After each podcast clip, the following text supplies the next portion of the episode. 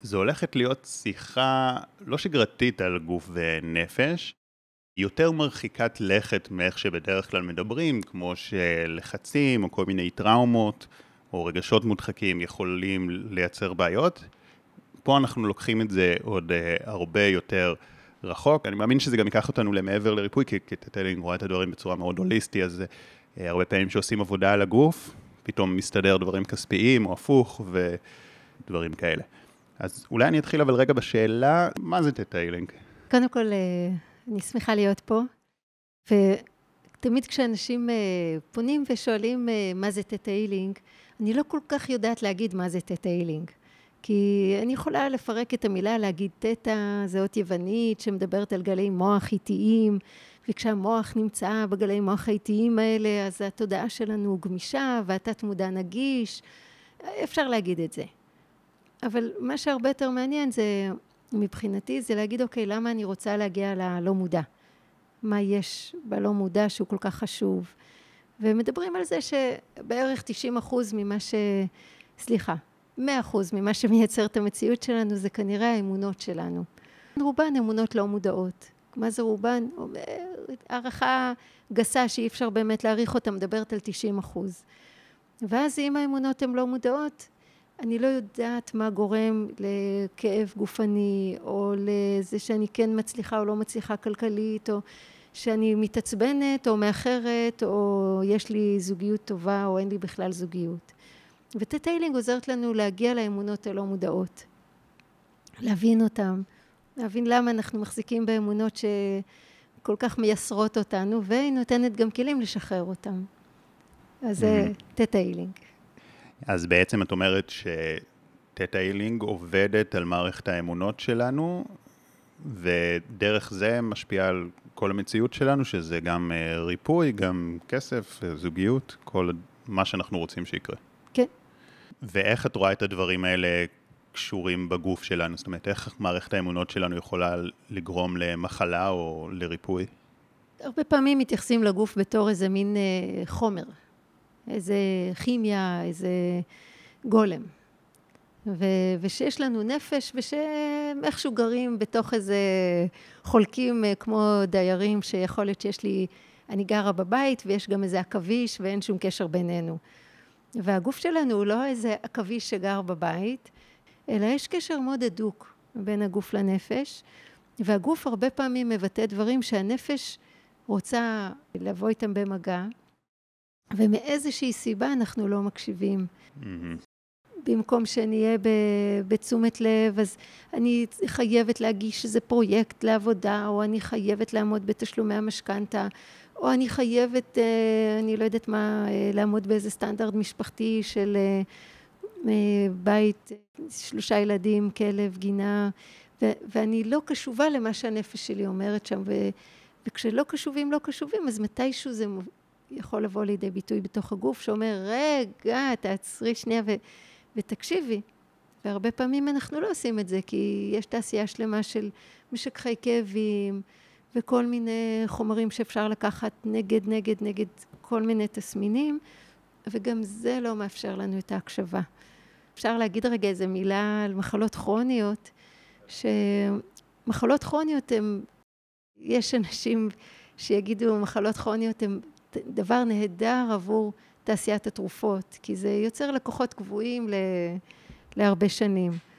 ו, ושבעצם, למה שיהיו לנו מחלות כרוניות? כל, ה, כל המהות שלנו זה שקורה משהו, אוקיי, פתרנו, התגברנו, קדימה, למה זה נשאר ומתמיד? כל מיני, למה הייתה לי תאונת דרכים לפני עשר, חמש עשרה שנים ועדיין יש כאבים בצוואר? למה זה לא עובר? ויש לזה סיבה. יש שם משהו ברמה הרגשית שלא נתנו עליו את הדעת. והמוח שלנו כל הזמן שולח לנו אותות, שחר, תסתכל לשם, שחר, תקשיב, שחר, תעשה כבר. ואנחנו אומרים, לא, לא, לא, טוב, ככה זה, כל מי שעבר תאונת דרכים סובל מזה במשך שנים. אבל יש סיבה, וסיבה רגשית, ואם ניתן עליה את הדעת, אז לא, אני יכולה להגיד על עצמי, היה לי כאב כרוני בצוואר מתאונת דרכים, לא סתם העליתי את הדוגמה הזאת, וזה עבר אחרי עשר שנים כי הבנתי מה היה שם. זאת אומרת, וזה לא עבר במקרה. זאת אומרת, אחרי שעשית איזה תהליך. זה לא עבר בגלל הזמן. כן. כי הזמן לא העביר את זה. זה עבר כי, כי הסתכלתי רגשית מה יש שם, מה אני מחזיקה. יש לך אולי איזה סיפור או דוגמה באמת על איזשהו מקרה של בעיה או מחלה מסוימת שעברה אחרי עבודת אמונות? יש לי uh, מלא סיפורים. זה, זה כאילו כמו לקחת קלפים ולהגיד תשלפי אחד, אוקיי, נדבר על זה. כן. יש סיפור שאני מאוד אוהבת לחלוק אותו, uh, על מישהי שהגיעה אליי, ששנים שנים ניסתה להיכנס להיריון ולא הצליחה. והייתה, מישהו אמר לה, נוגה תעזור לך, הייתי ממש בתחילת הדרך, אני לא יודעת מי זה המישהו ו, ולמה חשבו עליי, אבל זה חלק מהמסתורין הגדול של החיים, איך אנשים, איך נוצרים החיבורים האלה. ו... והיא אמרה, אני בטיפולי הפריה, וזה לא עוזר, וזה לא עוזר, וזה לא עוזר, וכל טיפול הפריה כזה הוא זוועה. ו... ואמרתי, אוקיי, בואי נעשה קריאה אינטואיטיבית בטטה הילינג. זה קצת כמו שעושים עם כדור בדולח, או קריאה בקפה, או... אז יש אפשרות אנרגטית להרגיש את הבן אדם השני. אנרגטית זאת אומרת, יש אפשרות לקלוט אמונות לא מודעות של אנשים אחרים. זה משהו שאפשר ללמוד איך לעשות אותו, לא צריך איזה כישרון מיוחד, מולד. זה טכניקה, זה התטא שאפשר ללמוד לעשות. ואמרתי, בואי נסתכל ונראה. ובאנרגטית קלטתי שבזמן שהיא הייתה בהיריון ברחם אימה, מישהו מהמשפחה נפטר. והתחושה הייתה שזה היה אבא או אימא של, של מישהו מההורים שלה. ושאלתי אותה מה קרה, והיא אמרה, זה נכון, סבתא שלי נפטרה, ואני נולדתי לתוך אבל מאוד גדול של המשפחה. עכשיו, אוקיי, סיפור יפה. איך זה קשור לזה שהיא לא מצליחה להיכנס להיריון? אז קודם כל אני אתן לך לחשוב אה, מה עולה לך, למה זה יכול להפריע לה להיכנס להיריון. אולי כי מרגע שיש לה ילד, יש את הפחד שהוא ימות, אה, לא? שלאחד ההורים שלה יקרה משהו. כי זה מה שקרה כשהיא הייתה בבטן של אימא. ואז משהו בא, אמר, אוקיי, זה מה שקורה. כשאישה נכנסת להיריון, אז אימא שלה או אימא של בעלה עוזבות את העולם. וכל עוד זה מה שהיא מאמינה בו, היא לא הייתה מוכנה לקחת את הסיכון ולהגיד, אוקיי, טוב, לא, זה שטויות, אני אכנס להיריון, אבל היא לא יכלה להרשות לעצמה בכלל להסתכן בזה. ולכן כל טיפולי ההפריה שהיא עשתה לא עזרו. ואז ביקשנו לשחרר את האמונה הזאת. ובשביל לשחרר את האמונה הזאת צריך להבין מה גורם לה להחזיק בזה, באמונה הספציפית הזאת. והייתה שם הזדהות, הזדהות מאוד גדולה שלה עם אימא שלה, או שלה עם אבא שלה. וכשהיא אמרה, מה שקרה להם זה גם מה שיקרה לי. ויכולנו לעשות ריפוי, זה החלק של ההילינג, בתת ההילינג, ולהגיד, אוקיי, בואי רגע נבקש לראות את זה מנקודת מבט יותר גבוהה, יותר רחבה, לא רק מהחוויה האישית שלך. וקרה שם משהו, משהו השתחרר. וחודש אחרי זה הייתה בהיריון. Mm-hmm. וילדה, ו- והכל היה פיקס. Mm-hmm. ואז אז היה שם חסם רגשי. שהיא לא הייתה ערה לו, ועם כל ההורמונים וכל הניסיונות ה... היפים של הרפואה לעזור לה, הם לא היו מספיק חזקים כדי להתגבר על הפחד שלה שאחד ההורים שלה ימות. בעצם זה, יש פה איזשהו עיקרון, או אולי אפילו שני עקרונות שחוזרים על עצמם בתתא הרבה, שזה הגן עליה בדרך כלשהי. לא באמת אה, הגן עליה, אלא בגלל מערכת האמונות שלה, להיכנס להיריון זה מסוכן, ואז לא להיכנס להיריון זה מגן עליה. זה משהו שחוזר על עצמו הרבה, נכון? מאוד, מאוד. אז תוכלי להסביר את העיקרון הזה ואיפה רואים אותו? בטח, בטח. יש המון דברים שאנשים עושים, שממש הם, הם יודעים שזה לא טוב לעשות. לא טוב לאחר, לא טוב לאכול את השוקולד הזה, לעשן את הסיגריה הזאת, לצעוק על הבן שלי, לא טוב. זה, אין פה, אני לא, לא אגלה פה איזה גילוי מרעיש אה, להגיד את הדבר הזה. ובכל זאת אנשים עושים המון דברים שהם, אה, שכאילו, יש את השיר הזה, אינני יודע כיצד זה קרה, פתאום הוא נכנס בי הילד הרע, וצעקתי, הטיפשה. אז ה... המקום הזה של, של הדבר הזה שנכנס בי ומשתלט עליי, תמיד יש לו סיבה. ועד שלא נמצא את הסיבה הטובה של למה זה נמצא שם, מה בזכות זה, מה מתאפשר לי. Mm-hmm. אז בפולניה אומרים שבזכות כאבי ראש משתחררים מכל מיני דברים שלא רוצים לעשות, אז זה ידוע מי שכבר, כן. אבל יש עוד המון המון דברים ש... Mm-hmm. למשל, הפחד של אנשים, נגיד ש... שאדם מפחד שאם הוא יגיע בזמן, קרה פעם שהוא הגיע בזמן וקרה שם בדיוק איזה משהו לא טוב. ויש שם איזה טראומה לא מעובדת. Mm-hmm. ואז הוא מפחד, אם אני אגיע בזמן, יקרה הדבר הזה. ועד שהוא לא יבין רגע איפה זה נוצר ומה קרה שם. נגיד, אני אתן לך דוגמה מצחיקה, שוויאנה, מייסדת ה... ויאנה סטייבל, שפיתחה את השיטה הזאת, מספרת על מישהי שאמרה, אני לא מבינה למה כל פעם שאני מכינה ארוחת ערב לבעלי, היא נשרפת. את יכולה לעזור לי? ואז אה, ואנה שואלת אותה, כמה זמן זה כבר שאת שורפת לו את ארוחת הערב? היא אומרת, שנים כבר. ושואלת אותי, אוקיי, אז בואי נראה, השנים האלה, מה קרה לפני זה? היא אומרת, או, תפסתי אותו בוגד בי, עם החברה שלי. ואז היא אומרת, אוקיי, ואיך זה קשור? ואז היא אומרת, או, כנראה שככה אני מענישה אותו על, זה, על מה שהוא עשה. ובמשך שנים היא אוכלת בעצמה אוכל שרוף כדי להעניש את בעלה על מה שהוא עשה. ועד שהיא לא עשתה את הקישור הזה, היא לא יכלה להפסיק לשרוף לו את האוכל. זאת אומרת, שבעצם חלק לא מודע בה גרם לזה כל הזמן לקרות. זאת אומרת, פה את מדברת מאוד על הלא מודע, זאת אומרת, ברצון שלה היא לא רצתה לעשות את זה, אבל ב... גם במודע שלה היא סלחה לו. שזה גם נקודה משמעותית, אני חושב, בכלל בתטא, לא רק בתטא, גם הרבה דברים שאני מדבר עליהם, אבל שמאוד אה, חזקה בתטא עצמו, ש, שזה עבודה עם הלא מודע. זאת אומרת ש... כמו שאמרת, הרבה אנשים אה, יכולים לפתח אה, מחלה, למשל, והדרך שזה מועיל להם זה כי זה לקחת חופשה או, או הפסקה או לקבל איזה תשומת לב, אבל זה עוד, זה רובד לא מודע, אבל לא מודע שעוד יחסית קל לזהות, ויש עוד הרבה רבדים עוד הרבה הרבה יותר עמוקים שאין לנו מושג בכלל. אני אתן לך דוגמה. כן. עם ילדים צעירים, הילדים מאוד מאוד מושפעים מההורים. ואז קורה משהו להורים, ובמקום שהתסמינים של המחלה או הקושי יופיעו אצל ההורים, ההורים כבר יותר אה, חזקים, הם לא מאפשרים לתסמינים לבוא לידי ביטוי אצלם, אז הם לפעמים יכולים להופיע אצל הילדים. Hmm. זה לא שהורים עושים משהו רע לילדים, לא...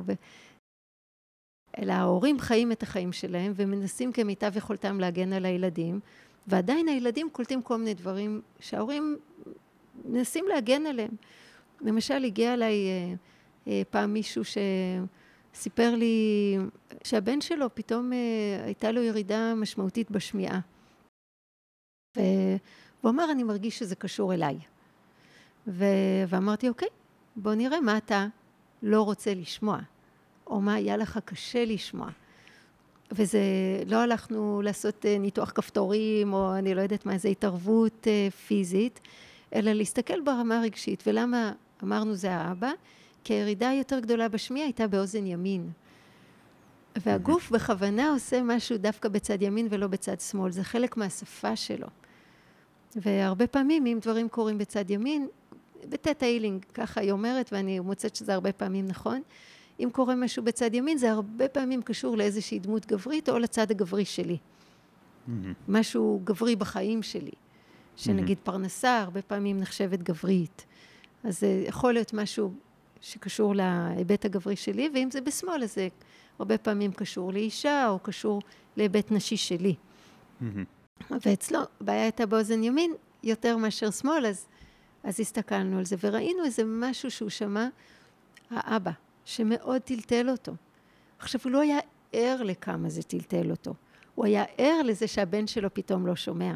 ומתוך זה שהפריע לו שהוא קורא לבן שלו, והבן שלו אה, אומר לו, עידו, עידו, ועידו נשאר בשלו, זה לא השם שלו כמובן, אז הוא, הוא זה מה שהפריע לו. Mm-hmm. הקושי של הבן שלו אפשר לו להסתכל ולראות מה הוא לא רוצה לשמוע, ולא רוצה להיכנס לפרטים האישיים שלו, אבל יכולנו לפתור את זה, לפתור את, ה, את המורכבות ואת הקושי של, שהיה לו לשמוע. ואז שוחחתי איתו ואמר, הבן שלי חזר לשמוע רגיל. וואי, את יודעת, דיברת על הנושא הזה של השמיעה. אני מכיר מישהי שיש לה גם איזה בעיית שמיעה מהצבא, והכלבה שלה גם פיתחה המון בעיות באוזניים. זה... טוב, טוב כלבים מן הסתם גם אה, מזדהים ולוקחים עצמם. מה, אז מה עושים במצב כזה? איך יכולה לעזור לכלבה שלה לצורך העניין? אני אגיד למאזינים שלנו, את גם וטרינרית, יצא לך לעבוד אה, המון עם בעלי חיים. ו... זה נכון. כן. בכלל... אה, כן, עברתי הכשרה מלאה ל... לווטרינריה. עסקתי בזה עשר שנים, הייתי וטרינרית סוסים, אז פחות עם כלבים, אבל, אה, אבל היום גם מגיעים אליי בעלי חיים לעבודה רגשית, וזה מאוד מעניין. עם ה... אמרת כלב או כלבה? כלבה. כלבה. הייתי מתחילה מלעבוד עם הבחורה עצמה. Mm-hmm. כי אם הכלבה באיזושהי צורה מפגינה תסמינים באוזניים שקשורים לבעלים, זאת אומרת שמשהו אצל האישה הזאת אולי לא שלם עם בעיית השמיעה שלה, למרות שהיא נמשכת כבר תקופה. ולראות אם אפשר לשנות משהו, לשפר משהו בשמיעה שלה, או להצליח לקבל את מה שהיה שם. יכול להיות, נגיד, אני לא יודעת איזה בעיות יש לה, לכלבה. נגיד, אם יש לה פטריות כל פעם באוזניים. אז פטריות בטטיילינג נחשבות שהן יושבות על טינה. איזשהו כעס כרוני על משהו. ואז יכול להיות שהבחורה כועסת על משהו שקרה לה בצבא, והכלבה כל פעם מבטאת את הכעס הזה באוזניים. נגיד. איך בכלל זה עובר לבן אדם אחר או לבעל חיים? זה מה שאמרתי גם בתחילת הפרק, שאנחנו נדבר גם על דברים שקשורים לגוף נפש, שהם עוד הרבה יותר לוקחים את זה רחוק מהרגיל, כי זה לא כזה, יש לי תקופה עם הרבה סטרס, אז מתפתחות מחלות. זה הרבה יותר מרחיק לכת. שאלתי את עצמי הרבה זמן אם אפשר אה, להידבק בקורונה מהסתכלות בטלוויזיה. זאת אומרת, האם זה, האם זה רק תודעה וזה יכול לעבור ואני יכולה לפתח תסמינים או לא? זה, זה מעניין. הסתכלות עוד יותר מעניינת, אני רגע, אני יודעת שאני לא עונה לך בצורה ישירה לשאלה, כן, אבל כן. בכל זאת אה, זה פשוט מעלה לי משהו שהרבה פעמים ילדים הולכים לגן, ואיך שהם מתחילים ללכת לגן, נהיות להם כל מיני מחלות. הם אה, מנוזלים ומשתעלים ויש להם קינים וכל מיני דברים שאף אחד מהם לא הביא איתו מהבית, כי כשהם בבית אין להם את זה, והם מגיעים לשם, אף אחד לא הביא מהבית כלום וכולם נהיים חולים. נכון? זה... ומוצאים אותם הביתה, בבית הם מחלימים ומחזירים אותם, וכל הילדים שהיו קודם בריאים פתאום נהיים חולים ממחלות שלא היו קיימות קודם. ואומרים, אה, זה ויראלי, זה מדבק. ו- ואני רוצה לשים פה רגע איזה סימן שאלה ליד המילה מדבק. ולהגיד, יש משהו תודעתי שקורה. לא חלקיק שעובר ברמה הפיזית, אלא בראש ובראשונה יש משהו תודעתי שהילד חווה. ואני זוכרת שעבדתי עם ילדה, בת שלוש היא הייתה, שכל פעם הייתה מגיעה לגן חולה. ואז אומרים להורים, קחו אותה הביתה. ולאמא נמאס אחרי חודש ימים כזה, שיומיים הילדה בגן, ארבעה חמישה ימים בבית. הלוך חזור, הלוך חזור, הלוך חזור, נמאס לה, פנתה אליי. והסתכלנו לראות מה קורה שם, מה...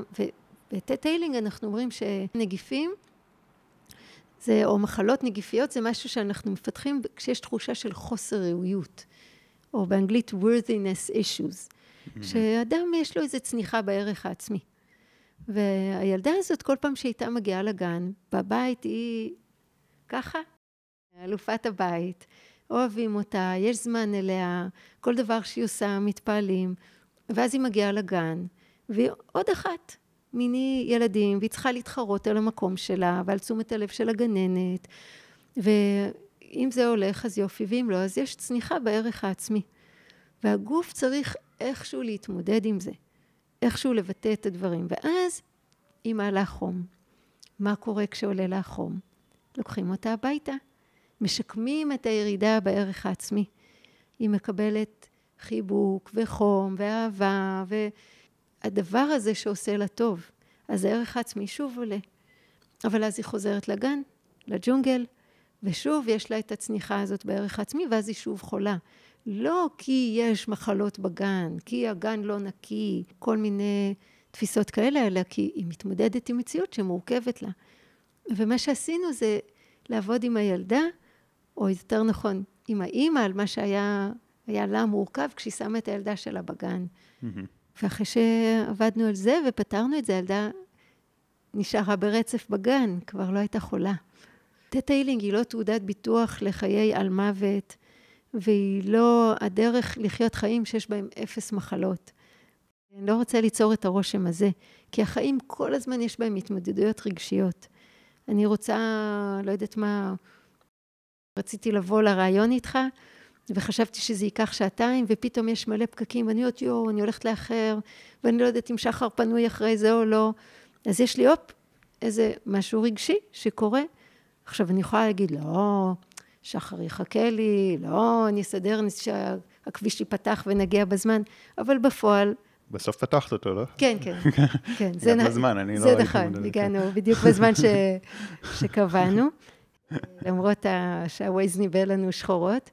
ולמרות כל הפקקים, אז, אבל אני לא, זה, זה לא שזאת המטרה שלי ב Theta Healing, אלא עבורי Theta Healing היא הזדמנות למפגש עם עצמנו. מפגש כן. מאוד קרוב, להבין מי אנחנו באמת ומה מנהל אותנו. דיברנו כזה כבר על האוזניים, אז ככה ממשיך עם הדוגמה.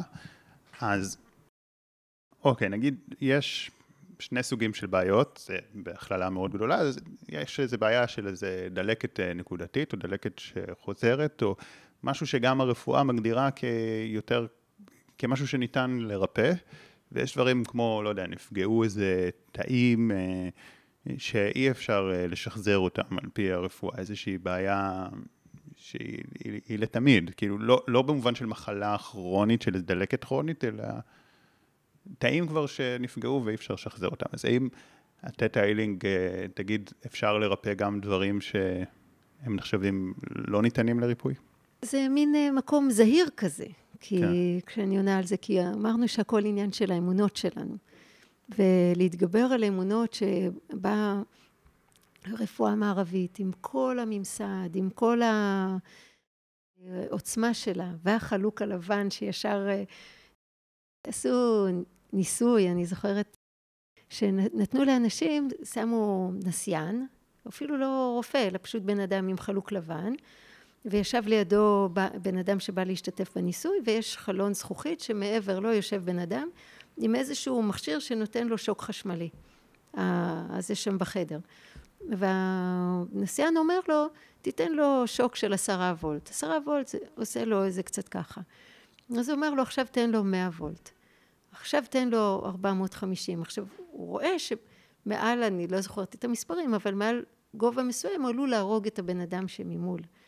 והניסוי בדק עד איזה גובה אנשים מוכנים לתת אה, שוק חשמלי לבן אדם שמולם, כשמישהו שהם לא מכירים, שהוא בכלל אפילו לא רופא, הוא רק בחלוק לבן, ואין לו את הסמכות והסטטוסקופ וכל הדברים, אלא הוא רק אומר להם תעשו את זה, ורוב האנשים נעצרו במינונים שהסבו נזק נוראי לבן אדם, כן. שכמובן שיחק אותה ולא באמת uh, קיבל את, ה, mm-hmm. את השוק החשמלי.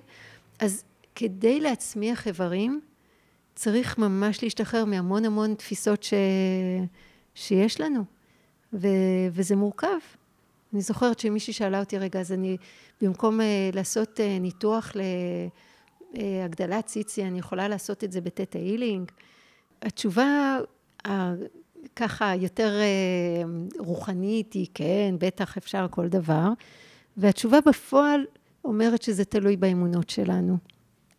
ויש לנו המון המון אמונות שנותנות גיבוי לרפואה המערבית. הרפואה המערבית אומרת שאי אפשר, כמו שאמרת. גם לניסיון חיינו, כי נגיד בחיים הרבה פעמים הייתה לנו שריטה והגוף החלים אותה מהר, אבל עצמות או מבנים כאלה הם לא משתנים כל כך בקלות או מחלות מסוימות אחרות. אז בא לי לספר לך משהו על ניסיון חיים. ישבתי פעם באיזה מקום והגיעו חבורה של ילדים קטנים, זה היה איזה קיבוץ והגיעו ילדים כזה של הגן. וזה ילד נפל, והוא נפל נפילה טובה כזאת. עכשיו הגננת לא ראתה כי הייתה שקועה בשיחה עם איזה חברה. וממש יכולתי לראות את הילד מתלבט, לבכות, כן. או לנער את הידיים ו- ולהמשיך. וממש זה היה כמו לראות כתוביות בסרט שרצות לו על המצח, ושהוא מתלבט, מה הדבר הנכון לעשות עכשיו? ואף אחד לא הדריך אותו מה לעשות. אז הוא פשוט ניער את הכפות ידיים, ניער את הברכיים והמשיך. ואם מישהו היה אומר לו, לא קרה כלום, הכל בסדר, אז הוא היה מבין שקרה משהו והוא אמור להגיב, הוא כבר היה מתחיל לבכות. אז פה, אז יש כאב או אין כאב? אז יש חתך או אין חתך? זה אמיתי או זה לא אמיתי? זה לכאורה כן, ואני זוכרת שהרכבנו פעם דלת, ומי שהייתה אז חברה שלי החזיקה את הדלת מלמטה, וברגע שהדלת נכנסה טוב לצירים, אז הופ, הדלת ירדה עד למטה ומאכל האצבע. זה ממש כואב, דלת היא כבדה. ו... וישר עשינו משהו שאפשר להגיד בטטיילינג, גם אפשר לעשות בלי ללמוד Theta Healing, בטל ומבוטל. שזה להגיד, אני לא מכניס את הדבר הזה לתוך המציאות שלי, אני דוחה את זה. כמו נכנס בדלת מסתובבת, אני נכנס למציאות חלופית. ולא היה לה שום סימן. כלום, אי אפשר היה לראות שקרה לה משהו. כי היא פשוט לא הכניסה, עכשיו, נפלה על הדלת, על האצבע. זה לא שלא קרה שם כלום, אבל לא קרה שם כלום. כי היא ישר דחתה את זה מהמציאות שלה. האם זה אפשרי? עובדה, זה קרה. אבל התודעה שלנו, ואנחנו יודעים שאנשים בכל מיני מצבי טראנס יכולים uh, לעשות כל מיני דברים. שלא יורד דם, שלא נשאר חתך, ש... שהגוף שלנו מאוד שונה ממה שלימדו אותנו. זאת אומרת, זאת אומרת שמבחינה רוחנית, תיאורטית, כל ריפוי אפשרי, אבל בפועל זה מאוד מאוד קשה אה, ככל שמערכת האמונות הקולקטיבית אה, אומרת שזה בלתי אפשרי. כן, כן, כי היא לא רק קולקטיבית, היא גם בתוכנו. כן. והרבה פעמים כדי לצאת מה... מתוך האמונות הקולקטיביות, זה באמת להיות איזה נזיר מתבודד, שאז אף אחד לא מפריע לך עם האמונות שלו, ויש המון המון דמי חבר כאלה שאנחנו משלמים בלהאמין בכל מיני דברים. כן, אני זוכר שאחת מפריצות הדרך שלי, ודבר שמאוד הכניס אותי גם לעולמות האלה ולתודעה, זה היה להתגבר על האלרגיה לחלב. ושהייתה מאוד מאוד חריפה, שהייתי אוכל קצת חלב, וזה היה גורם לי לנזלת מאוד קשה, אפילו אם זה היה בטעות. זאת אומרת שזה לא כזה שכבר ככה, זה היה איזה אפקט פלסבו רק, שאכלתי חלב וכבר ידעתי שאני צריך להילחץ, אלא גם אם בטעות לא ידעתי שנגעתי בזה. ואני זוכר שבתהליך הזה חלק מאוד משמעותי, כי רוב התהליך, העלייה לבנות האמונה הזאת, ששינוי יכול לקרות דרך שינוי אמונות. זאת אומרת, אחר כך למצוא את מאיפה נכנסה לי האמונה שחלב קוראים לי לנזלת וזה, היה כבר קל, אבל האמונה ששינוי אפשרי היה קשה. עכשיו, אלרגיות זה גם, שוב, עוד משהו שהוא יחסית יותר פסיכוסומטי נחשב. אה, טוב, אבל האמת ש... האמת, היא יודעת, עכשיו אני מגיע לאיזה תובנה, כי היום, מבחינתי, להעביר אלרגיות, זה מרגיש לי מאוד אפשרי. לא כזה קל, אה, אם מישהו יש לו אלרגיה מסוכנת, אז אני לא הייתי כזה, אולי בהכרח לוקח עליו את האחריות, אבל זה מרגיש לי משהו מאוד אפשרי. ודברים כאלה כמו... מבנה של עצמות, או תאים שנשרפו, כאילו, או איזה מחלות מאוד קשות, זה מרגיש לי, זה קשה, אבל לפני עשר שנים, או יותר, זה לא הרגיש לי אפשרי. אז אה, אולי יום אחד אה, גם זה ירגיש לי מובן מאליו. כן, נכון. נכון, כי זה גם באמת, ככל שיש לך יותר ניסיון שמראה, אבל הנה, זה, אתה יודע, אחד הדברים שהיו לי בתחילת הדרך, יחסית, הגעתי לארצות הברית לחזור על חלק מהקורסים של ה... הקורסים הכי מתקדמים שהיו בטטיילינג, נסעתי לאיזו השתלמות. ו... ואנה אמרה, את כבר למדת את הקורס והגיע פה בן אדם בכיסא גלגלים שרוצה ריפוי, אז בואי תכיני אותו לריפוי. ואמרתי, אוקיי. ישבתי עם בן אדם שעשרים שנה הוא יושב בכיסא גלגלים ולא מסוגל להניע את הפלג גוף התחתון שלו. לא מסוגל. ו... ועבדתי איתו חצי שעה. על החסם, אולי שלושת רבעי שעה, על כל מיני, הדברים שעבדתי איתו, זה תגיד, ומה יקרה אם פתאום תחלים? איך זה ישבש את החיים שלך? כן. שזו שאלה שהרבה פעמים אנחנו לא שואלים. שזה אגב, אה, כמו לשאול את השאלה שדיברנו עליה בהתחלה, של מה בעצם טוב במחלה, איך המחלה תורמת, זאת אומרת, זה הכוונה החיובית הלא מודעת, המאוד לא מודעת שיש לבן אדם ב... בדיוק. אז זאת אותה שאלה, פשוט מכיוון כן, הפוך. אז שאלתי אותו איך זה ישפיע לרעה. והוא דיבר על כמה דברים. ואחד מהם, שלא הספקנו להגיע אליו בתוך הסשן הזה, כי הוא כזה לא היה ערוך לגמרי לעשות עבודת אמונות, הוא דיבר על זה שהוא היה איש מאוד פראי, ומשהו, אם הוא יחלים, הוא ילך, יהיה בהרים ויתרחק מהילדים שלו. ו... והוא דיבר על זה שהוא, מבחינתו הריפוי מגיע מאלוהים, והוא לא בן אדם מאמין, אז למה שאלוהים יעזור לו? כל מיני דברים ש... שעבדנו עליהם. הוא הגיע שבוע אחרי זה שוב לכיתה, והייתה לו יכולת להזיז קצת את אחת הרגליים. ועכשיו, זה לא שהוא התחיל ללכת, השרירים שלו עשרים שנה, כן, זה לא שאנשים, הללויה, I can walk, זה לא כזה, אלא משהו השתחרר, ופתאום עבר מסר מהמוח לרגל, והוא יכול היה להתחיל להניע אותה באופן רצוני. עכשיו, אם אין לו חסמים, הוא היה צריך עכשיו לשבת איתי עוד הפעם, לעוד חצי שעה, ולדבר על הפחד שלו שהנישואים שלו יתפרקו אם הוא יפסיק להיות תלוי באשתו, שזה לדעתי היה החסם המרכזי שם. ו... והוא לא בא עוד פעם. זה היה טיפול בחינם, זה היה קרוב אליו הביתה, הוא לא בא עוד הפעם. משהו בו לא העז, נגיד, לעשות את הצעד הזה, ו... ולהתמודד ולהחלים. Mm-hmm. עכשיו, יש לזה כל מיני סיבות. הוא נתמך ביטוח לאומי כל כך הרבה שנים. אם הוא מחלים, במה הוא יעבוד? איך הוא יתפרנס? מה הוא יעשה? אולי ביטוח לאומי יתבעו אותו על הונאה. יש כל מיני חסמים שיכולים מאוד לקבע את, ה, את המחלה. ולכן אחת השאלות היא, מה ישתבש אם תחלים? כן, לעשות שינוי זה מפחיד, זה דבר מפחיד. הרבה פעמים, אגב, מחלה באה כשאנחנו צריכים לעשות איזה שינוי, נכון? אני לא יודעת מה זה צריכים. אני חושבת שכשאנחנו עומדים בפני שינוי, אז האמונות שלנו, הפחדים שלנו יותר קרובים לפני השטח. כי שינוי זה תמיד להיכנס למשהו שאנחנו לא יודעים אותו. אני לא יודעת איך זה יהיה בעבודה החדשה, אני לא יודעת איך זה יהיה בתוך הקשר החדש, אני לא יודעת איך זה יהיה במקום החדש שאני אלך לגור בו. זה אפילו, אני רוצה רגע להגיד משהו שהוא לא תשובה לשאלה שלך, אבל עדיין אני מוצאת לנכון להגיד שהרבה פעמים אנשים עוברים דירות, ופתאום יש בעיות נזילה בצנרת. יש פיצוצים בצנרת, יש נזילה בדוד, יש כל מיני דברים. ולכאורה, זה, שכרתי דירה בעייתית, ו, ואיזה מין דבר זה, ו, וכשמסתכלים, הדירה היא משקפת משהו במצב הרגשי של האנשים שנכנסו לגור. והרבה פעמים, אם אני מבחינה רגשית, קשה לי להכיל את עצמי, גם הבית שלי יהיה לו קשה להכיל אותי, אפילו שהוא כאילו רק קירות, וזה יכול לגרום לפיצוצים בצנרת, לכל מיני נזילות. Yeah. וזה ממש לקחת ולהסתכל על, על יחסים, שאני יכולה לתת לך עוד כל מיני דוגמאות על יחסים כאילו עם החומר הדומם, עם החפצים שלנו, שהתודעה היא לא סתם איזה משהו ש...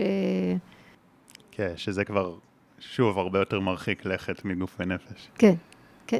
ואז מה עושים במצב כזה שיש לי בעיה בבית או במחשב או בעיה בחומר דומם? נניח שאני רוצה לעבוד על זה מתוך האמונות שלי, מה אני עושה? זה תמיד ההתבוננות פנימה. לראות עם מה אתה כרגע מתמודד, ו... ושאתה לא מצליח להתמודד עם זה, ולכן כל מיני חפצים בחיים שלך מנסים להתמודד עם זה במקומך.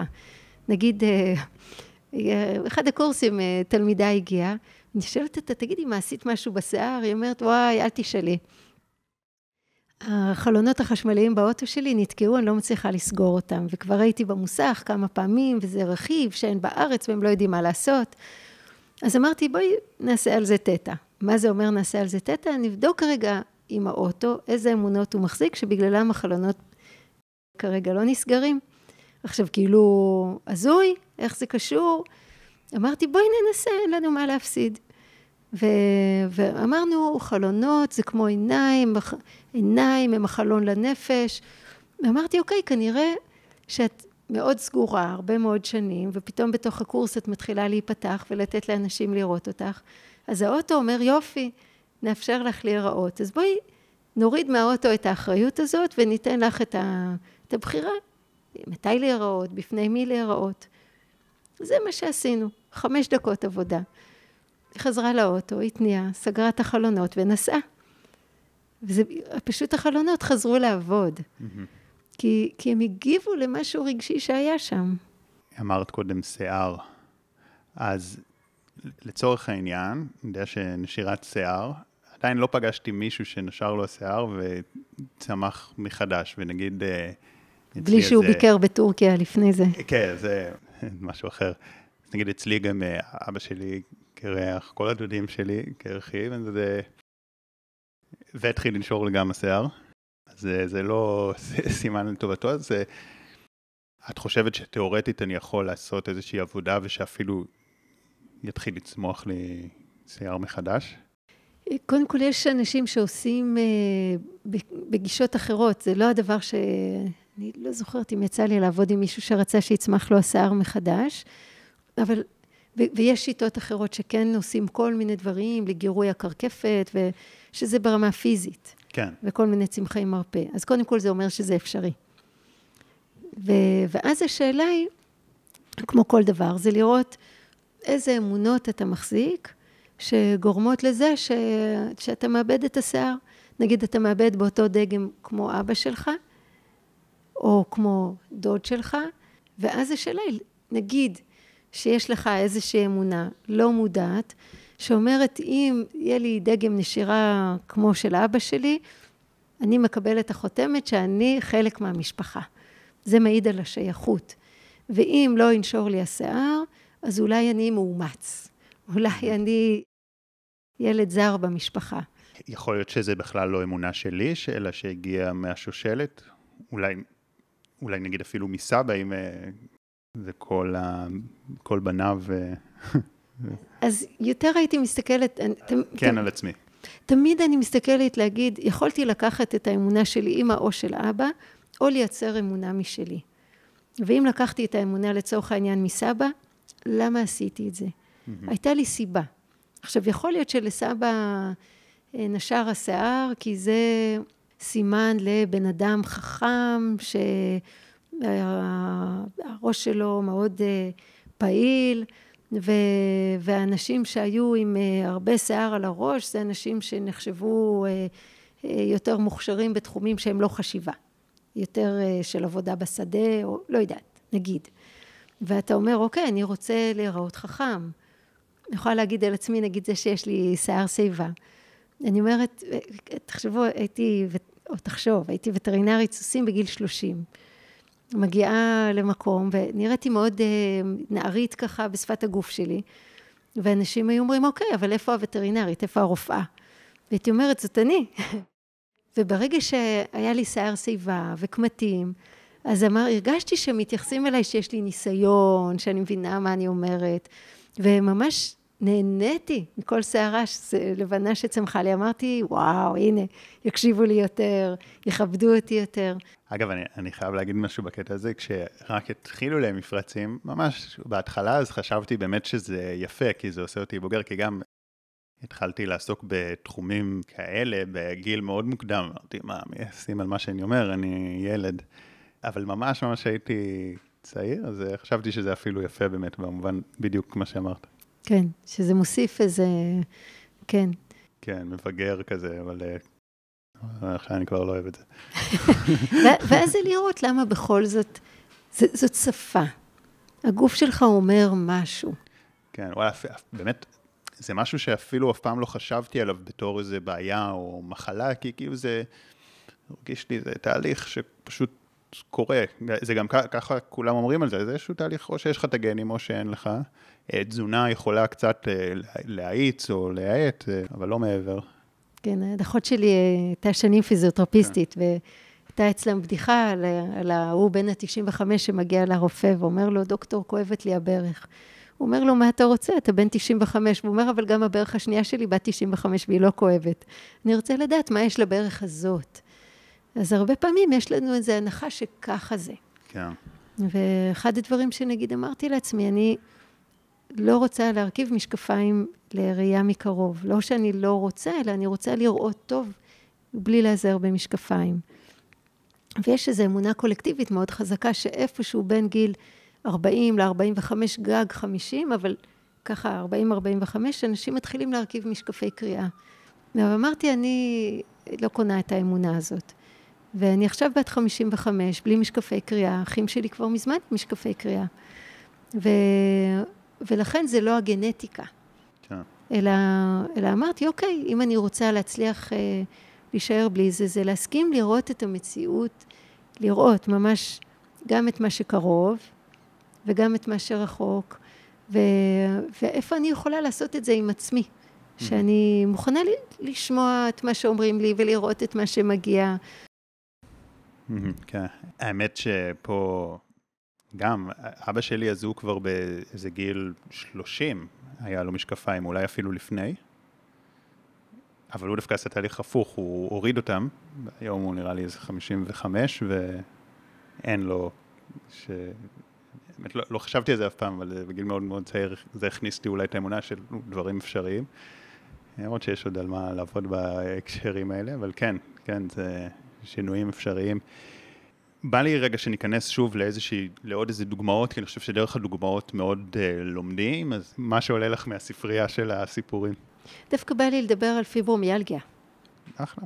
זאת מחלה שבעברית נקראת דאבת, שזה אומר כמו להגיד כואבת. מחלה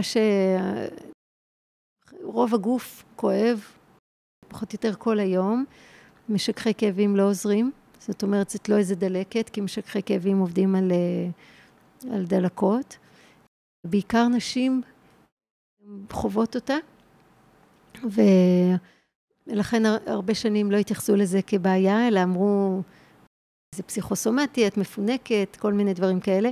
עכשיו דווקא המילה פסיכוסומטי שנאמרה ואולי בצורה מזלזלת ברפואה, אני מאוד מסכימה איתה.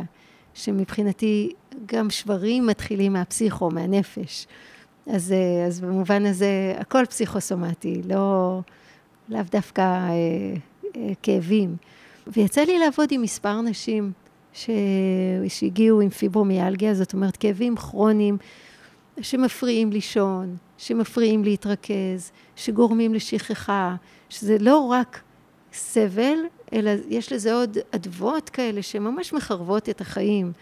ואם זאת אימא צעירה, היא לא יכולה להחזיק את הילדים על הידיים, ממש אה, מחירים מאוד גבוהים, אי אפשר לשבת במשרד לעבוד, המון, מאוד פוגע בכושר ההשתכרות, ממש אה, סיוט. והרבה פעמים יש לתסמינים פיזיים, יש להם איזושהי נקודה שבה הם התחילו. ואנחנו לא תמיד זוכרים אותם. אז אפשר uh, לעשות איזושהי בדיקה אנרגטית, אנחנו משתמשים בתגובה של הגוף לדברים uh, כדי לראות, uh, אולי אני אפילו אדגים איך, uh, איך נראית בדיקת שריר. משתמשים בזה כדי לראות מתי, מה, מתי המחלה התחילה. ואני לא, לא עם כולם זוכרת את הדברים שעלו, אבל אני זוכרת עם מישהי אחת שעברה תאונת דרכים ותאונת דרכים נחשבת מבחינה רפואית למשהו שאחרי זה יכולה מה שנקרא להתפרץ פיברומיאלגיה, וזה לא עובר. ושנים, שנים, שנים ארוכות, האישה סובלת, סובלת, סובלת, סובלת. ו, ו, והשאלה היא שוב, למה הגוף לא מחלים? למה הגוף מחזיק את הכאב הזה של, ה, של אותה תאונה כל כך הרבה שנים? והסתכלנו לראות, לראות מה היה. והיא נהגה, ומישהי לפניה, היא נהגה על כביש מהיר, ומישהי לפניה שמה ברקס, והיא לא שמה לב, היא לא הייתה מספיק מרוכזת, והיא נכנסה במכונית שהייתה לפניה. ו, ו, ובעצם האישה, הנהגת במכונית השנייה, הייתה באיזה מקום מאוד uh, עדין, הנהגת ששמה ברקס. הייתה מקום uh, עדין בחיים שלה, נסעה לבקר מישהו בבית חולים, ו... והייתה בעצמה, הנהגת ש... ששמה ברקס הייתה בעצמה מעורערת רגשית, וכשהמטופלת שלי נכנסה בה מאחור, היא הייתה ממש מזועזעת שהיא הייתה עלולה להרוג את, ה... את האישה הזאת, שבדרך בכלל אה, לבקר אדם בבית חולים ולעזור ולעשות משהו טוב. ומשהו בזה טלטל אותה עד עמקי נשמתה. א', מזה שהיא כמעט הרגה בן אדם אחר, או הייתה יכולה להרוג בן אדם אחר, הפגיעה לא הייתה עד כדי כך חמורה, אבל הייתה חמורה. והדבר השני, זה נגע לה במקום רגיש, כי לצורך העניין בוא נגיד שגם היא הייתה בדרך לבית חולים אה, לבקר מישהו. זה לא אחד לאחד, אבל זה פגש משהו שכמו... אני נוסעת ברכב מסוים, וכשאני רואה רכבים מאותו דגם על הכביש, אז אני קולטת אותם, כי, כי זה מדבר את השפה שלי. זה פגש איזה משהו אצלה, שהיא לא הצליחה, היא לא ידעה לתת עליו את הדעת. ורק שנים אחרי התאונה הזאת ישבנו ודיברנו, והיא פתאום נזכרה, פתאום עשתה את, ה, את החיבורים mm-hmm. בתוכה, ויכלה לשחרר את כל, ה, כל החיבורים הקלוקלים. א', בתפיסה שלה, ואני עכשיו אולי, אני אדגים את בדיקת השריר, הכי טוב לעשות אותה בעמידה, אבל אני לא, לא אעמוד פה. אז עם היד החלשה שלך תעשה עיגול, ותהדק את האצבעות, ועכשיו תגיד, קוראים לי שחר, ותנסה לפרוץ את המעגל הזה. אוקיי? ואז תחזיק באותה עוצמה, ותגיד, קוראים לי יעל. ותראה מה קורה. מעולה. אז בדיקת השריר שלך עובדת, כשאתה אומר משהו שהוא אמת שלך, האצבעות נשארות נעולות, וכשאתה אומר משהו שהוא לא, השרירים יותר חלשים והאצבע בורחת. ואז בדקתי איתה את האמונה, האישה ש... שפגעתי בה נהרגה בתאונה. ובתפיסה שלה זה יצא שכן. עכשיו, במציאות האישה היא לא נהרגה, אבל היא כל כך נבהלה ממה שעלול היה לקרות, שמבחינתה זה כבר קרה. ולכן היא לא יכלה לשחרר את, ה... את התחושה הזאת של האסון הכל כך גדולה והצורך לשלם על זה מחיר כל כך גבוה. וברגע שהיא ראתה את זה ואמרה, אוי, איזה שטויות, האישה החלימה והכל בסדר, אז היא יכלה להשתחרר מה, מהכאב ועברה לה פיברומיאלגיה. וואו. כאילו מתהליך אחד של מהבנה אחת. כן. כן, כמובן כשיש פתיחות בכלל, זה, זה מה שדיברנו קודם, שצריך כל מיני את הפתיחות, שעבודת אמונות בכלל יכולה לייצר שינוי נכון. פיזי, שזה איזושהי אמונה מקדימה, שלפעמים היא יותר קשה מלזהות את הטראומה הראשונה שגרמה. ואני אוסיף שגם, זה לא שאף פעם לא היו לה כאבים אחרי זה. אבל במקום להגיד, אוי, זה הפיברו שלי שמתפרץ ועכשיו אני אהיה במשך, אה, מנוטרלת למשך חודש ימים, יכלה להגיד, אה, מעניין אה, איזה טריגר היה לי שבגללו, טריגר רגשי שבגללו עכשיו כואב לי, להסתכל על זה, לשחרר אותו, ועוברים הכאבים, נהיה לה כלי. כן. והיא לא חסרת אונים מול התסמינים האלה, שזה mm-hmm. היה לה מדהים. כן, ו... באמת יש פה את העיקרון בכל הסיפורים, שיש איזושהי טראומה בדרך כלל שהייתה, או איזשהו מקרה, אה, נוצרה שם איזושהי מערכת אמונות, וגם הרבה פעמים אנחנו מאמינים שהמחלה או הבעיה הזאת שומרת עלינו בדרך כלשהי, שהרבה פעמים לא, זה לא באמת, זה בגלל... אה, אני כן, דיברת שאפילו עצמות זה פסיכוסומטי, במובן מסוים, ו, ובא לי כן לדבר על זה, כי זה, כי שוב, כי זה עוד הרבה יותר מרחיק לכת, כי נגיד על פיברומיאלגיה, או כל מיני מחלות אוטואימוניות, יש אפילו לא מעט דוקטורים וזה שישבו פה ודיברו, ושזה גם, שזה מדהים, אגב, כן, כי אני חושב שלפני 20 שנה לא היו מדברים, אבל את לוקחת את זה למקום עוד, אה, שאותי הוא כל כך הרבה יותר אה, מסקרן, וגם, אני מאוד פתוח אליו, אבל גם בספק אליו, וזה המקום שאת אומרת, זה ממש, זה כל דבר, ו- ואפילו, אמרתי בתחילת הפרק, שאפילו, אוקיי, אם עכשיו עשיתי אימון קשה, וזה פגע איכשהו בברך, אז אפשר להגיד איך זה קשור לגוף וזה, אבל אם עכשיו הלכתי ונתקלתי בשולחן וחטפתי במכה בברך, או אולי אפילו מישהו אחר, אני נסעתי ברכב, זה הכי זהיר, ומישהו אחר פגע בי, זאת אומרת, כל הדברים האלה, גם אם זה פגעתי בשולחן או אפילו מישהו פגע בי, זה גם מערכת האמונות שלך. אני אומרת, שוב, mm-hmm. זה מערכת האמונות במובן הזה שנגיד שמישהו אחר עשה טעות, והאמונה שלי היא שאני צריכה לשלם על טעויות של אחרים, או שאני נורא כועסת על הבן אדם הזה, איך הוא העז, מה הוא חשב לעצמו, ואני עסוקה בכמה הוא לא בסדר. אני אתן דוגמה קטנה לזה, כן. שישבתי פעם עם חברה באיזה אולם כזה, בבית ציוני אמריקה, ועברה מישהי, ולא שמה לב ודרכה על, ה... על כף הרגל של החברה. הייתה גם אישה מלאה, זאת אומרת, הדריכה הייתה כואבת. ו... וישר היא הרגישה את הכאב, ואז היא אמרה, מה שאמרנו להגיד, בטל ומבוטל, ועבר הכאב. אבל אז היא אמרה, היא אפילו לא התנצלה. היא אפילו לא הסתכלה אחורה להגיד, אה, סליחה. ומה זה צריך להיות? חצופה. הופ, הכאב חזר. עכשיו, בינתיים ההיא התרחקה. ואז היא אמרה, מה, אני הולכת עכשיו לסבול כל היום בגלל שאני רוצה להעניש אותה, אני לא יודעת איך קוראים לה, אני לא, לא הולכת לחנך אותה עכשיו, והופ, הכאב עבר. Mm-hmm. אז הרבה פעמים יש את מה שקורה, ויש את האחיזה שלנו במה שקורה, ואת הרצון לנקום ולהעניש, וכל מיני דברים שמאוד מעצימים דברים שיכולים לעבור ככה. Mm-hmm. גם בהקשר של עצמות, כמה דברים ש... שאולי יעזרו לך קצת יותר לחזק את האמונה ופחות לאחוז בספקות. הגיעה אליי מישהי שסבלה בערך עשר שנים מדלקת מפרקים. והדלקת מפרקים הייתה אה, ברמת חריפות כזאת שכדי לצאת בשבע מהבית, היא הייתה קמה בארבע בבוקר ומתחילה להניע את המפרקים לאט לאט, להזרים דם, כדי שהיא תוכל איכשהו לצאת מהבית ולהגיע לעבודה. כאבי תופת, וקיבלה כל סוג של אה, טיפול שקיים ברפואה המערבית, והגיעה אליי כשהיא הייתה בתוך אה, ניסוי עם חומר ביולוגי חדש, ושגם הוא לא עזר. בוא נגיד הכימותרפיה שהיא קיבלה, הסטרואידים אולי יקלו זמנית, אבל לא פתרו את הבעיה. וכשעשיתי את הסשן, שוב, במקרה הזה זה, עשיתי לה קריאה אינטואיטיבית, כמו שדיברנו קודם, הרבה פעמים לא צריך את זה. ואמרתי, שאלתי אותה מה היה כשזה התחיל, אמרה, לא היה כלום. ואמרתי, לא יודעת, אני, בתחושה שלי אני רואה מטוס. את חזרת מאיזה טיסה, את יצאת לאנשהו? היא אמרה, כן, חזרתי מחו"ל. אמרתי, ומה היה שם? היא אמרה, שום דבר מיוחד.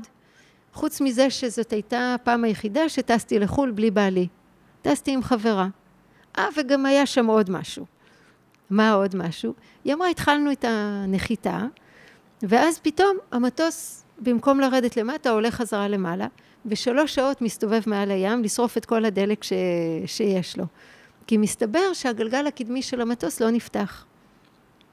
ואז הם נחתו בסופו של דבר על משטח קצף, וחיכו להם שם מלא אמבולנסים, ואי אפשר לפתוח את המדרגות, כי בשביל לפתוח את המדרגות, כאילו המדרגות הן מותאמות שהגלגל הקדמי פתוח, אז הביאו מין מגלשה כזאת שהם צריכים לרדת, וכאילו לא קרה כלום, כי, כי הם נחתו טוב, טייסינו mm-hmm. הנחיתו את המטוס כמו שצריך.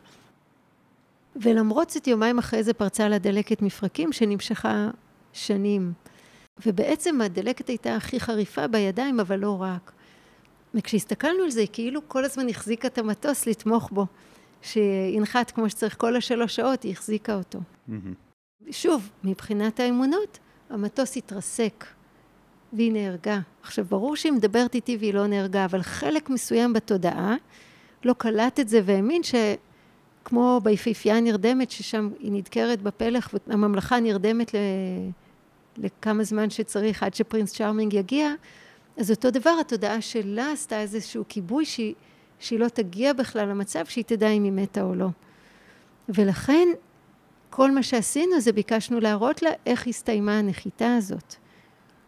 זה מה שקרה, ודלקת המפרקים שלה הלכה והשתפרה מיום ליום, מיום ליום, מיום ליום, עברו מאז עשר שנים, אין לה כאבים, וזה ממש שינוי שהוא ברמה של העצמות. ו- ואחר כך לימים נפל עליה משהו ונשברה לה עצם. היא הסתכלה מבחינה רגשית מה מייצג האיבר הזה, מה המשמעות הרגשית שלו. ביקשה לפתור את הדבר, והגיעה אחרי עשרה ימים לביקורת שהיו צריכים להחליט אם מספיק הגבס או שצריך לנתח כדי להחזיר את העצם למקום. והיא בזמן הזה, זהו, שלחה אהבה לעצמות שלה. עכשיו, היא הייתה אחרי גיל 60, זה גיל שזה נחשב, שהעצמות מחלימות לאט, לא תגיד יל, ילדה קטנה. היא מגיעה, הרופא עושה לה צילום רנטגן, או הטכנאי, לא משנה, קורא לה עוד פעם, אומר, תעשי בזווית הזאת, תעשי בזווית, מצלם אותה עוד פעם ועוד פעם ועוד פעם ועוד פעם, והיא שואלת אותו, מה קורה, מה העניין? אומר לה, אני לא יודע, אין פה סימן שבכלל היה שבר. עכשיו, זה עשרה ימים, והם לא ציפו בכלל שהשבר יצליח להחלים. זאת אומרת שהיה צילום ראשון שממש ראו שבר, כן. ואחרי עשרה ימים צילום שלא רואים שבר. כן, ובמקום שנחשב מאוד בעייתי להחלמה, mm-hmm. ששברים הרבה פעמים לא מחלימים פה, בעצמות המסרק. Oh. ברגע שהיא פתרה את הדבר הרגשי, אז דברים השתנו, גם ברמה הפיזית. כן, וואו, יפה. נתתי פה כמה דוגמאות למצבים שהתודעה שלנו כאילו קפאה mm-hmm. באיזשהו רגע בזמן. Mm. הרבה פעמים מאוד מדברים, בתגובות של סטרס, מדברים על flight or fight, להילחם או לברוח, אבל יש עוד תגובות שהן פשוט אה, ברייטינג, הן קצת אה, פחות מוכרות. יש את הלהתעלף, faint, יש אה, להגיב במבוכה, צחקוקים ולעשות שטויות, זה נקרא fooling around, שהרבה אנשים מגיבים בצורה כזאת, ויש freeze, שהתודעה קופאת. ו- והמצב הזה שהתודעה יכולה לקפוא רגע לפני שהמשאית פוגעת. שיש איזו משאית שדוהרת לעברי, ויש את השיתוק הזה, שאני לא יכולה לברוח, והתודעה כאילו קופאת שם. עכשיו, במציאות, יכול להיות שהנהג בלם, יכול להיות שמישהו משך אותי מהכביש והציל אותי, יכול להיות שהשתתחתי והמשאית עברה מעליי, יכול להיות שהגיע נשר ו... לקח אותי, או האווזים של נילס באו וחילצו אותי, אני לא יודעת. אבל התודעה שלי כל כך פחדה ממה שקרה שם, שהיא עצרה את, ה, את הזמן מלכת. ויכול להיות שגם אצלך קרה איזה משהו, שהמציאות מזמן השתנתה, ומערכת היחסים או הכעס מזמן נגמרו. אבל התודעה עוד מחזיקה שם באיזה רגע מאוד כואב מבחינתה, והיא לא עשתה לו עדיין letting go. כן. ועצם ה- לחזור לרגע הזה, ולהבין שמשהו בי עדיין תקוע שם, ו, ולפעמים אני בודקת, יש לי צורך שהתודעה תישאר תקועה שם, והרבה פעמים בדיקת השריר mm. תראה שלא, ואז אוקיי, אם אין לי צורך, אז אני יכולה לבקש אנרגטית עזרה mm. להשתחרר משם. האמת שזה גם אז נקודה מאוד מעניינת, שבעצם הרבה פעמים הריפוי זה לא בהכרח חייב להיות הדבר הכי דרמטי בחיים, אלא יכול להיות שזה דווקא משהו מאוד קטן, שדווקא בגלל שהוא קטן, אז שכחתי ממנו בכלל והוא בלא מודע. זה נכון מה שאני אומר עכשיו? לפעמים הריפוי הוא לא מצריך מאיתנו איזה שינויים גדולים, אלא בסך הכל לקלוט שהמציאות כבר השתנתה. וחלק מאיתנו נשאר תקוע באיזה משהו בעבר. ותקוע כי, כי באותו רגע אנחנו עצרנו באופן יזום. כן. יצרנו שם... אה, אני מתכוון גם שלפעמים יש איזה טראומות אה, רציניות יותר. זה אירוע ככה מאוד דרמטי. ולפעמים יש איזה משהו מאוד מאוד קטן, אולי איזה מישהו התעלם ממני, משהו מאוד קטן שגם מאוד הדחקתי אותו, אבל לפעמים הוא יכול הכי להישאר דווקא בגלל שזה קטנצ'יק ולא נתתי לזה כן. תשומת לב. זאת אומרת, אם זה את מסכימה, אם, אם את מזהה כן. שזה הרבה פעמים אירועים שהם בכלל לא כאלה big deal. כמו נגיד מטוס שכמעט מתרסק, או כן. יותר מפחיד. אני לא יודעת להגיד שזה לא big deal, כי נגיד אה, תינוק שבוכה ו...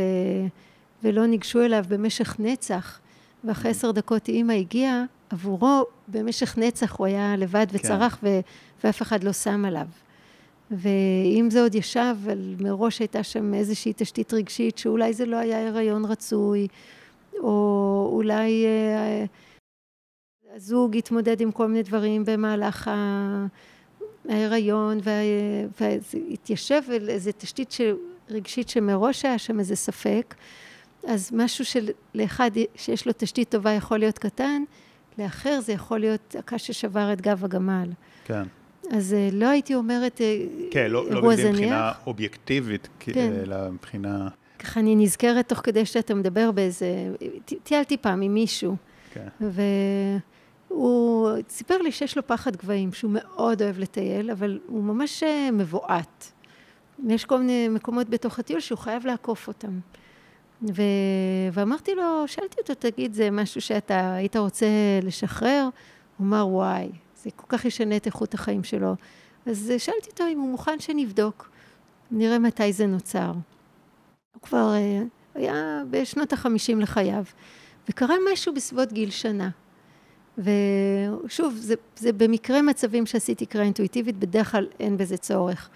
הוא לא ידע להגיד מה היה בגיל הזה, ואז אמרתי לו, זה נראה כאילו נפלת מנדנדה, או מאיזה עגלה, או משהו, ואז הוא אמר, את יודעת, היה משהו. הייתה עגלה כפולה כזאת, שילד אחד מקדימה ואחד מאחורה, ו...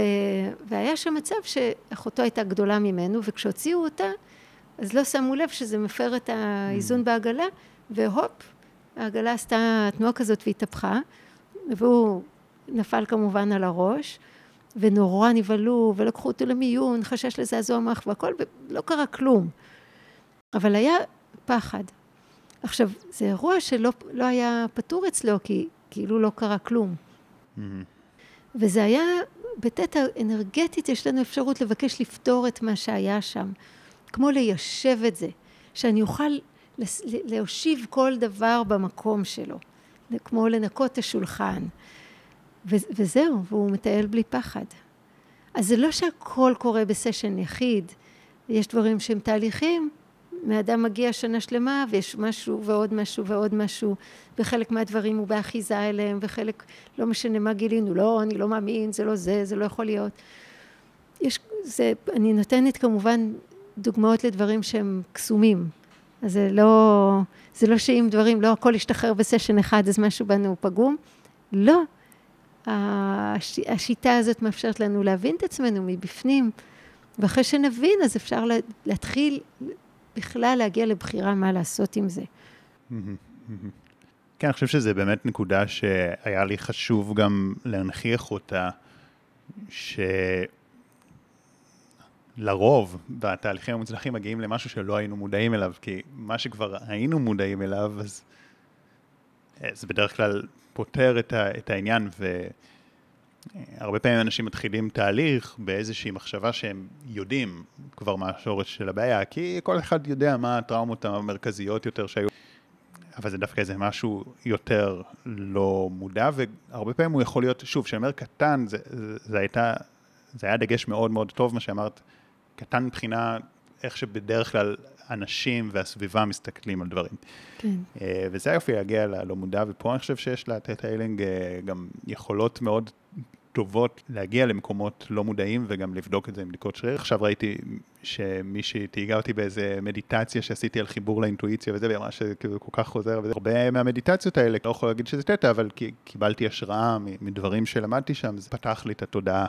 נשים גם קישור לאתר שלך למי שרוצה להעמיק בזה וללמוד את זה, ואני חושב שאמרתי המילה פתח לי את התודעה, אני חושב שזו מילה טובה, כי, כי יש שם הרבה דברים שהם אה, לא, לא תמיד אה, פשוטים, וצריך לבוא עם ראש פתוח, ואני יכול להגיד שגם אני, לא עם כל דבר שלמדתי ישר קיבלתי ואמרתי אני לוקח אותו ומיישם ואפילו לא כל דבר בפרק הזה למרות שאני די אה, מקבל את הרוב אבל יש גם דברים שאני כזה אומר אני פתוח לרעיון, אני, אני עוד לא יודע את זה, אבל אני פתוח לרעיון, ואני חושב שזו גישה שכדאי לבוא איתה בכלל, בכלל, לכל, לכל לימודים ולכל דבר שאנחנו לומדים. אה, אז אני אשים קישור, ותודה רבה רבה לך. תודה רבה, היה כיף.